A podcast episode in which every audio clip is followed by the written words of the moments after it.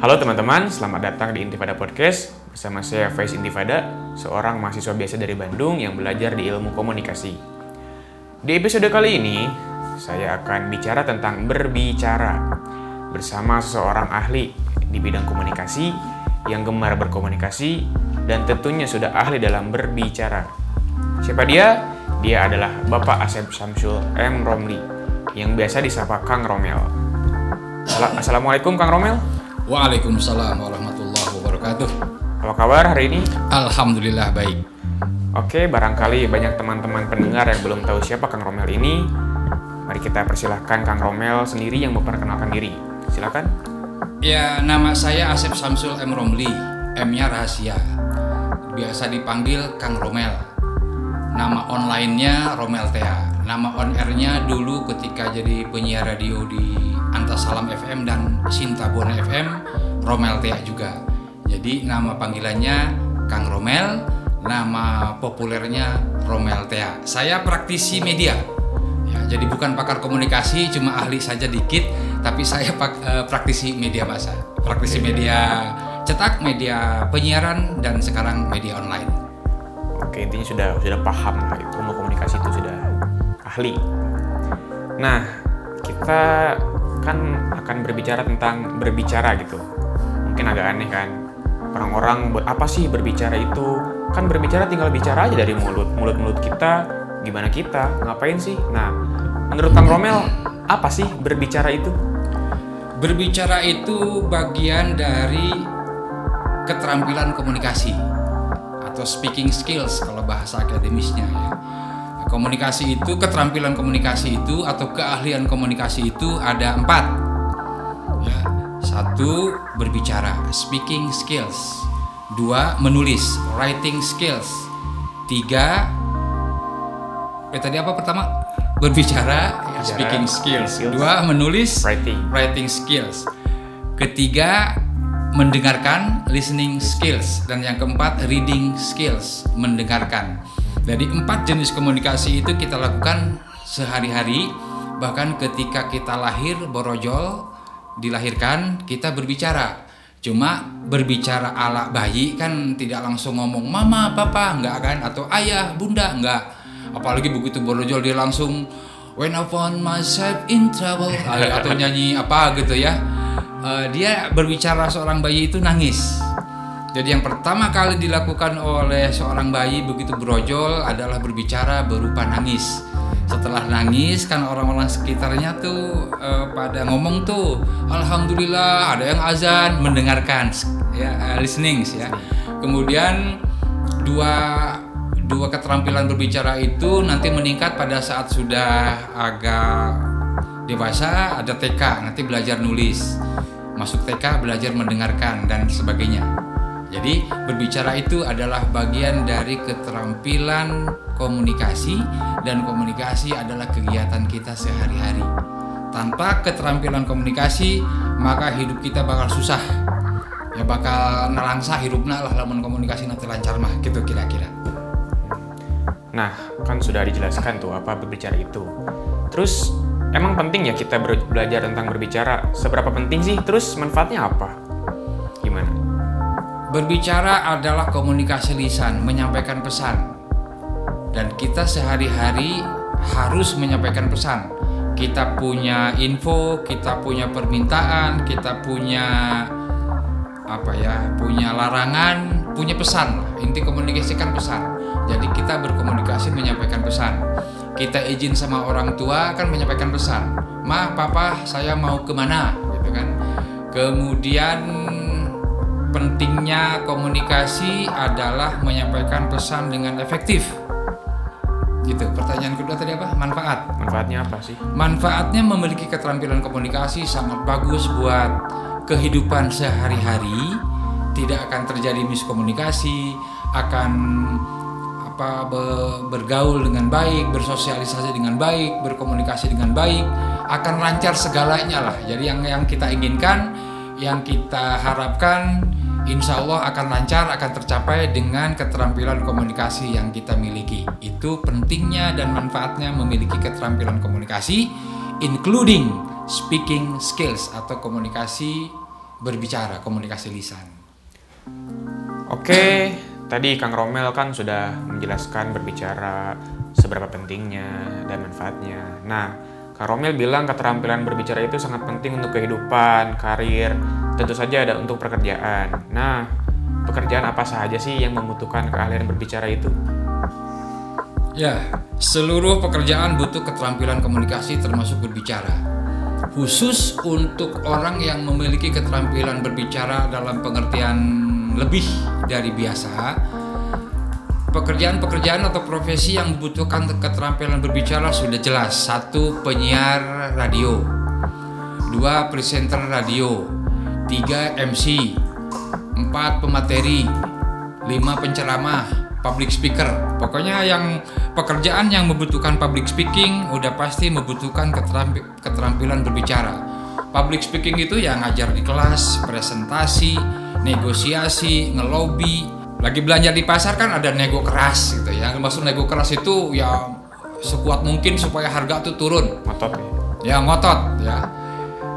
ya jadi seluruh uh, pekerjaan yang yang khusus memerlukan keterampilan berbicara yaitu pekerjaan di bidang komunikasi khususnya penyiar radio, presenter televisi dan uh, marketing dia harus presentasi dan public speaker, dosen, guru itu membutuhkan keterampilan berbicara.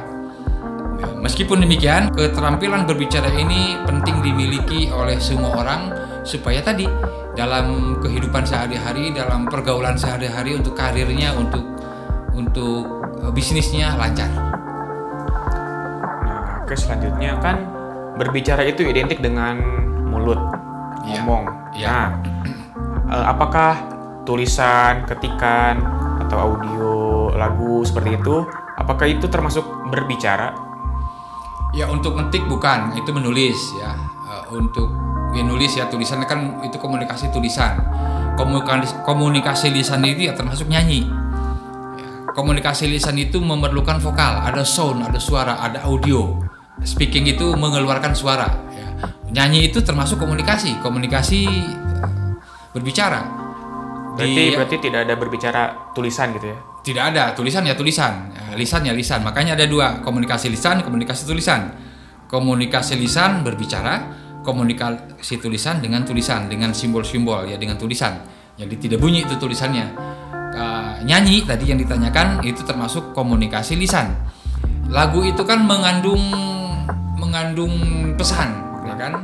Mengandung kisah, mengandung pepatah, mengandung motivasi dan sebagainya itu komunikasi lisan. Jadi ketika seseorang nyanyi sebetulnya sedang berkomunikasi lisan. Cuma nanti dalam selama komunikasi lisan ada juga unsur lain. Unsur lain seperti visual. Ada visual itu ada bahasa tubuh, ada ekspresi wajah, ada gestur ya, ada postur, ada gestur. Postur itu posisi posisi badan itu postur. Kalau gestur itu gerakan anggota badan ya, gerakan hidung, telinga, telinga bisa digerakkan biasa sama tangan ya. Gerakan tangan itu termasuk gestur. Demikian. Nah, berbicara tentang ini berarti berbicara itu hanya dalam lisan. Oke, tidak bisa dalam tulisan. Lalu dalam berbicara kan ada seseorang yang cadel, yang gagu, yang gagap dan kekurangan-kekurangan lainnya lah dalam mulutnya atau lisannya. Nah, bagaimana solusi mereka atau cara mereka mengatasi kekurangan tersebut? Ya, gagap gagu, gagap gagu, cadel itu fitrah ya bawaan lahir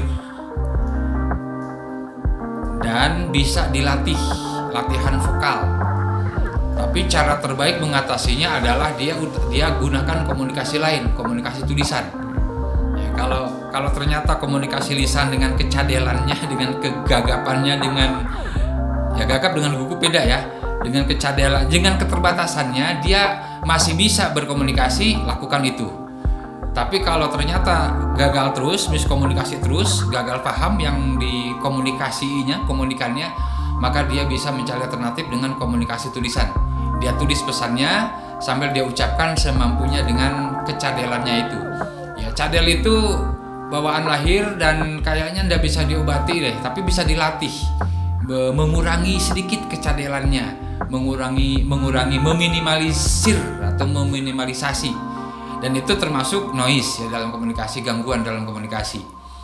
Tapi biasanya orang cadel pun lancar berkomunikasi. Bahkan jadi jadi ciri khasnya jadi kelebihan tersendiri bagi dia. Jadi orang yang cadel jangan kecil hati.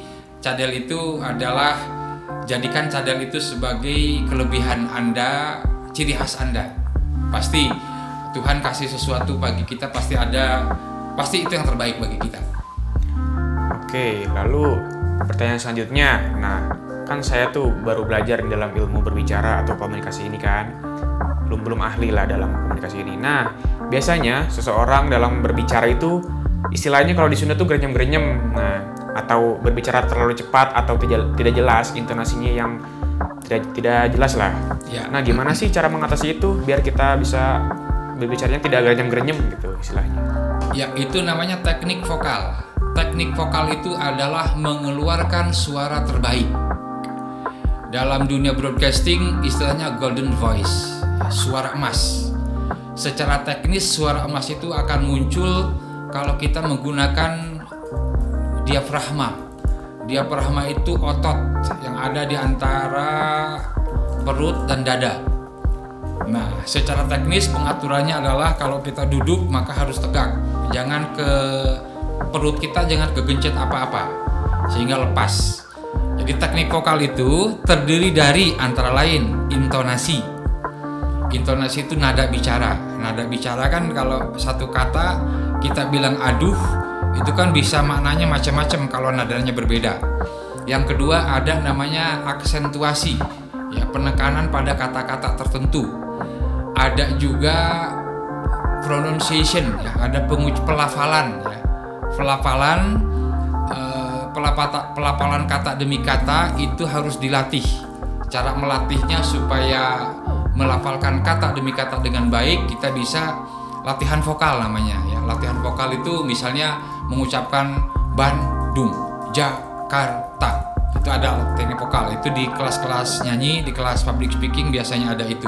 Di kelas penyiar radio, di kelas podcaster, ya, di kelas uh, presenter televisi ada melatih vokal supaya bicara tidak cepat tempo namanya itu juga bagian dari teknik vokal temponya diatur biar tidak terlalu cepat maka harus dilatih latihannya bagaimana latihannya kita mengucapkan kata demi kata pelan-pelan Ya. Kemudian supaya tidak bergumam ngagrenyem gitu bahasa Sundanya sama itu berarti latihan intonasi latihan aksentuasi latihan juga infleksi. Infleksi itu nanti lebih tinggi lagi, itu nada bicara. Biasanya itu dilakukan oleh penyiar radio, presenter televisi khususnya dalam menyampaikan berita atau informasi aktual ya, di program berita radio dan televisi. Oke, sudah jelas. Lalu selanjutnya nih, eh, pasti suka ada seseorang jika melalui chat atau pesan SMS atau email sikapnya tuh berbeda jauh dengan saat bertemu atau saat telepon. Jadi misalnya orang satu si A nih, Faiz chat sama A, dia orangnya wah ramah banget bla bla bla bla. Saat ketemu malah diem, malu-malu. Terus ada juga orang B, dia cuek banget di chat atau biasa saja dingin. Saat ketemu wah sangat ramah, sangat wah riang banget. Nah, Ya, kenapa sih bisa beda gitu? Orang yang lagi di chat saat bertemu langsung malah beda sikapnya gitu. Kenapa Iya. tuh bisa?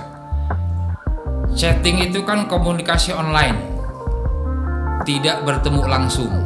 Jangankan di WhatsApp, eh salah bahasan begini. Apalagi di media sosial, nah gitu ya. Di media sosial itu kan kita menggunakan akun-akun abal-abal, menggunakan akun palsu. Jadi sumpah serapah, eh, watak asli, ya eh, apa ya naluri kasar pada muncul ya. Aduh, pengen sekali ngomong kasar, tapi aku takut dosa. Tapi tetap aja di bawahnya GBLG misalnya ya. Iya. Maksudnya Gelora Bandung Lautan Gapi gitu ya. kalau GBL kan Gelora Bandung Lautan Gapi, kalau GBLG ya Gelora Bandung Lautan Gapi, Gapi. gitu ya. Jadi ada ada dua kepribadian berarti si orang itu pada saat dia komunikasi tidak langsung keberaniannya muncul, keceriaannya muncul atau sebaliknya pendiamnya muncul. Nah, pada saat bertemu langsung maka keberanian keberaniannya watak aslinya tidak muncul. Berarti dia ada kepribadian ganda lah ketika komunikasinya berbeda. Satu komunikasi bermedia, yang kedua komunikasi langsung. Ya, ketika direct communication langsung bertemu, maka keberaniannya tidak muncul. Kasarnya punya mental medsos doang. Nah, mental medsos bahasa neti, apa bahasa milenial. mental medsos ya. Nanti ujung-ujungnya tuh mentalnya pansos tuh dia, ya. Yeah. nebeng-nebeng gitu ya. Dia bikin akun biar ikut nebeng, dia ikut sama tagar yang rame gitu ya. Beraninya di medsos ketemu ciut. Nah, itu dia itu eh, dalam tanda petik itu namanya kepribadian ganda. Jadi dia kepribadiannya belum teruji dia secara secara offline ya. Iya. Dia hanya berani online, dia offline-nya dia ciut. Atau sebaliknya, eh, dia online justru nggak berani, tapi offline berani gitu kan. Di dia di dalam di forum offline yang tidak pakai teknologi justru dia berani berbicara bisa saja tapi jarang kayaknya ya Iya. lebih banyak yang berani online karena on, kenapa eh, secara online orang berani muncul eh, sumpah serapah muncul watak aslinya muncul karena di online itu dia tidak bertatap langsung salah satu penyebab ketika online orang jadi berani karena tidak ada kontak mata sekali eh, eh, selain kontak fisik. Kontak mata itu kan luar biasa itu pengaruhnya. Banyak orang yang berpi- eh, disuruh pidato ketika lihat audiensnya ada ribuan gitu di sebuah ruangan dia nggak berani dia. Ya gemper dia mundur dia. Itu penyebabnya adalah kontak matanya tidak terlatih. Padahal ada triknya ya nanti itu mah rahasia ya bukan aja buka aja lah romeltea.com di situ ada trik-trik public speaking ada Oke, trik-trik kalau kalian mau belajar lebih lanjut Speaking bisa skill. kunjungi romeltia.com gitu ya. Atau follow Instagramnya apa Instagramnya? Iya kan eh, Faiz juga nemuin saya kan lewat romeltea.com Oh, kan iya. lalu kirim email kemudian karena apa anak UIN ya komunikasi UIN Nah. saya pernah ngajar di UIN itu berapa tahun 14 tahun Oh. jadi merasa ini masih mahasiswa saya ini gitu kan Tuh buat pendengar-pendengar yang anak UIN Iya. nah ini. iya nanti kirim salam buat siapa tuh ketua jurusannya Pak Derajat masih Derajat.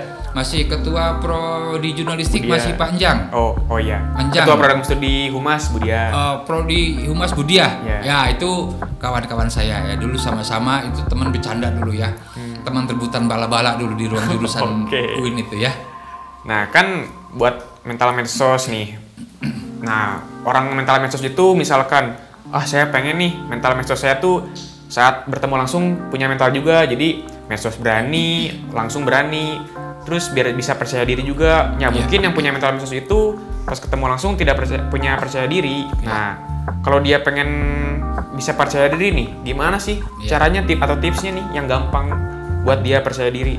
Dalam berbicara. Ya, Ya kan temanya berbicara tadi ya. ya dalam berbicara. Kunci percaya diri dalam berbicara hanya satu, yaitu kita menguasai tema atau topik yang akan dibicarakan. Dijamin orang yang menguasai masalah, menguasai tema, menguasai topik, menguasai apa yang dibicarakan, dia akan pede, akan percaya diri. Orang tuh nggak pede kan nggak menguasai. Kalau kita menguasai, pasti akan muncul kepercayaan diri karena ada keyakinan dalam dirinya bahwa saya tidak akan salah bicara karena saya menguasai masalah saya. Contohnya apa?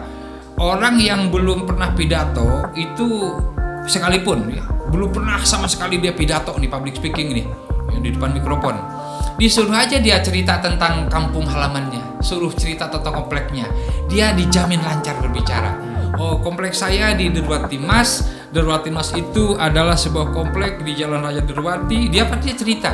Ya ada bak ap- apalagi kalau dia ketua RT ya. Kalau RT udah pastilah lancar berbicaranya. Jadi untuk percaya diri harus menguasai masalah atau topik. Nah, secara umum untuk lancar berbicara, lancar menulis, lancar komunikasi lainnya, lancar komunikasi lainnya banyak baca, banyak belajar, banyakin ilmu. Makin banyak ilmu, makin banyak kita pengetahuan yang kita punya, maka rasa percaya diri akan terus tumbuh, terus tumbuh, terus tumbuh, terus naik. harus berani mempraktekannya, harus berani mencoba. Iya, berani mempraktekkan. Termasuk bertanya. Bertanya itu sebagian dari pengetahuan. Maka jangan ragu-ragu bertanya, jangan di kelas misalnya nih ya Faiz lagi kuliah sama Budia sama Panjang sama Pak Pak Darajat sama Pak ada Pak Dono masih ada Pak Dono? Kurang oh itu tahu. jurnalistik ya jurnalistik ya. Pak Imron ada Pak Imron ya? Ada. Pak Imron di humas itu. Ya ketika misalnya eh, Budia aja yang cewek ya. Ya. ya ketika Budia itu ber, eh, ngajar itu jangan ragu-ragu nanya. Dan jangan jangan takut dicemooh. Jangan takut di apa namanya di Kadang suka takut nih pertanyaannya, ih nggak logis gitu. Ya, Apa sih nanya kayak gitu? Kan Nah, gampang gitu gimana? gitu. Nanti kalau ada yang nyeletuk itu nanti urusannya beres bubar kuliah Oh. kita eh, urus Labrak ya. selesaikan secara laki-laki lah itu ya. Jangan takut. Jadi jangan takut bertanya karena bertanya adalah setengah ilmu pengetahuan. Makin banyak bertanya, makin banyak ilmu yang didapat. Dan bertanya di kelas itu bagian dari latihan public speaking, latihan kelancaran berbicara. Nah, supaya lancar bertanya bagaimana? Di- jangan lupa ditulis, di konsep. Ya. Biar Jadi- asal nanya ya. Iya, ditulis dulu. Misalnya Bu, koma, apa yang dimaksud dengan public speaking itu dibaca ndak apa, nggak masalah. Apalagi orang kuliahan. Kalau lagi kuliah mah itu jangan takut salah. Bahkan sudah tahu pun salah-salah kan we ke kuliah ya. Supaya apa? Supaya dikoreksi sama dosennya.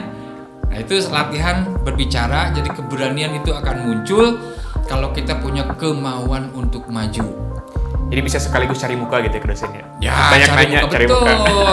ya, kalau Faiz ingin dapat nilai A dari seorang dosen, ada triknya. triknya itu satu, selalu duduk di bangku paling depan. Depan. Dua, sering tanya. Tiga, kalau misalnya eh, pulpen Budiah jatuh, ambilin. kalau misalnya eh, apa pun, pokoknya ca- caper lah sama Berarti dosen. orang kepo itu bagus ya. Oh bagus, kepo itu bagus. Kepo itu berarti setengahnya eh, dia eh, setengahnya Haus ilmu. Ya, haus ilmu. Jadi kepo itu dalam konteks kuliah, dalam konteks ilmu pengetahuan ya haus ilmu dan itu bagus. Ya. Nah, ini kan ngomongin tentang percaya diri nih. Face punya beberapa tips lah ini buat membuka obrolan gitu. Misalnya kita ketemu orang baru, eh, misal kita masuk kuliah nih, anak maba-maba nih buat maba-maba yang dengerin nih, eh, pengen kenalan sama dia nih, eh, ngobrol ngobrol apa ya? Nah, ada beberapa topik yang bisa dibuka sih. Pertama, bisa kita nanya tentang keluarganya, tapi jangan terlalu spesifik gitu. Jadi, eh rumah kamu di mana? Atau kamu asal mana sih? Gitu. Nah, pasti dia rata-rata bakal menjawab. Apalagi kalau kita ngomongin tentang hobinya nih, kalau kalian tahu hobinya dia, tanya aja, pasti dia bakal merespon dengan baik. Betul, Pak Romel? Betul, betul. Nah, eh, pasti orang seneng kan kalau ditanya hobi gitu. Misalnya saya seneng dengerin musik. Eh, musik apa sih yang kamu suka? Nah, pasti seneng kan itu orang itu. Ya. Nah, terus biar kita nih ngobrol sama orang atau orang baru atau orang yang udah dikenal, takut disangka SKSD nih, sok kenal, sok dekat gitu loh. Takut apa sih nih orang eh, sok kenal banget? Ya. Mau apa sih? Gimana sih mengatasi hal itu? Secara umum ada dalam komunikasi lisan, dalam komunikasi secara umum bahkan itu ada namanya three magic words. Bahasa Indonesia apa tuh? Tiga kata Three aja magic word, tiga kata ajaib. Ajaib. Ya. Nah, jadi mohon maaf saya hanya ngerti bahasa Inggris. Indonesia saya nggak paham Inggris. bahasa Inggris. Three magic words. Tiga kata ajaib. Dalam konteks asmara, three magic word itu kan I love you. Ya. Nah, ini mah bukan itu. Yang dimaksud three magic word adalah yang pertama help, Tolong. yang kedua thanks, yang ketiga sorry. Jadi maaf, Tolong. tolong, Terima kasih. dan terima kasih. Nah, gunakan ketiga kata itu. Contoh, saya akan nyuruh OB, office boy, di kantor saya di Derwati Mas ini ya di Katalis Podcast Studio ini. Eh, office boy-nya banyak kan ya? Ada banyak office boy di sini ya. Karena kantor kita luas banget ya. Dan studio ini disewakan. Oke. Iya disewakan. Nanti kasih tahu teman-temannya Nah, buat mau informasi podcast aja di nih. sini. Ya. Nih saya lagi lagi datang ke kantor Kang Romel ini di Iya. Derwati ini. Ya. Nah, tadi teh Three magic words sih. Mau, mau, nyuruh, nyuruh OB, mau nyuruh OB. nyuruh OB.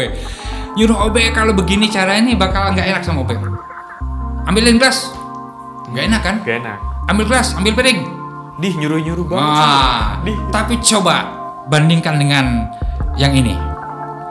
Maaf, tolong ambilkan gelas. Terima kasih. Enak kan? Enak. Maaf, tolong ambilkan gelas. Terima kasih. Nah, itu bisa dipraktikkan dalam kehidupan sehari-hari. Misalnya tadi kalau takut dibilang apa SKSD apa sedekat. Ya, Nah, itu awali dengan misalnya maaf, punten. Ya, punten namanya siapa? Ah, maaf namanya siapa? Atau tolong bisa sebutkan namanya? Setelahnya terima kasih. Nah, jadi itu three magic word, tiga kata-kata yang bisa menimbulkan keajaiban dalam sebuah komunikasi, dalam sebuah interaksi atau hubungan sosial, hubungan antar manusia.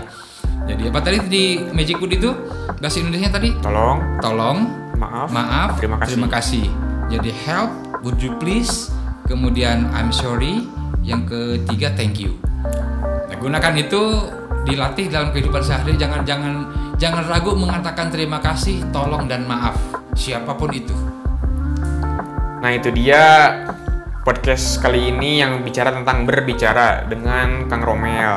Terima kasih Kang Romel yang sudah menemani saya, yang sudah bisa saya undang buat ke podcast saya kali ini. Ya, nah buat teman-teman yang mau lebih tahu tentang berbicara atau komunikasi bisa ke mana Kang Romel? Bisa ke romeltea.com atau katalis.net. Oke, bisa buat pelatihan nggak atau seminar kayak gitu? Iya, untuk pelatihan kontak saja katalis.net. Oke, Ya, kalau hima fakultas mau pelatihan, bikin Pelatihan. podcast, bikin video, ketik saja katalis.net di Google akan Oke. muncul. Terima kasih Kang Romel udah mau jadi narasumber ya. Sama-sama. Jangan jangan bosan-bosan gitu ya kalau saya undang lagi gitu. Iya, berikutnya bayar.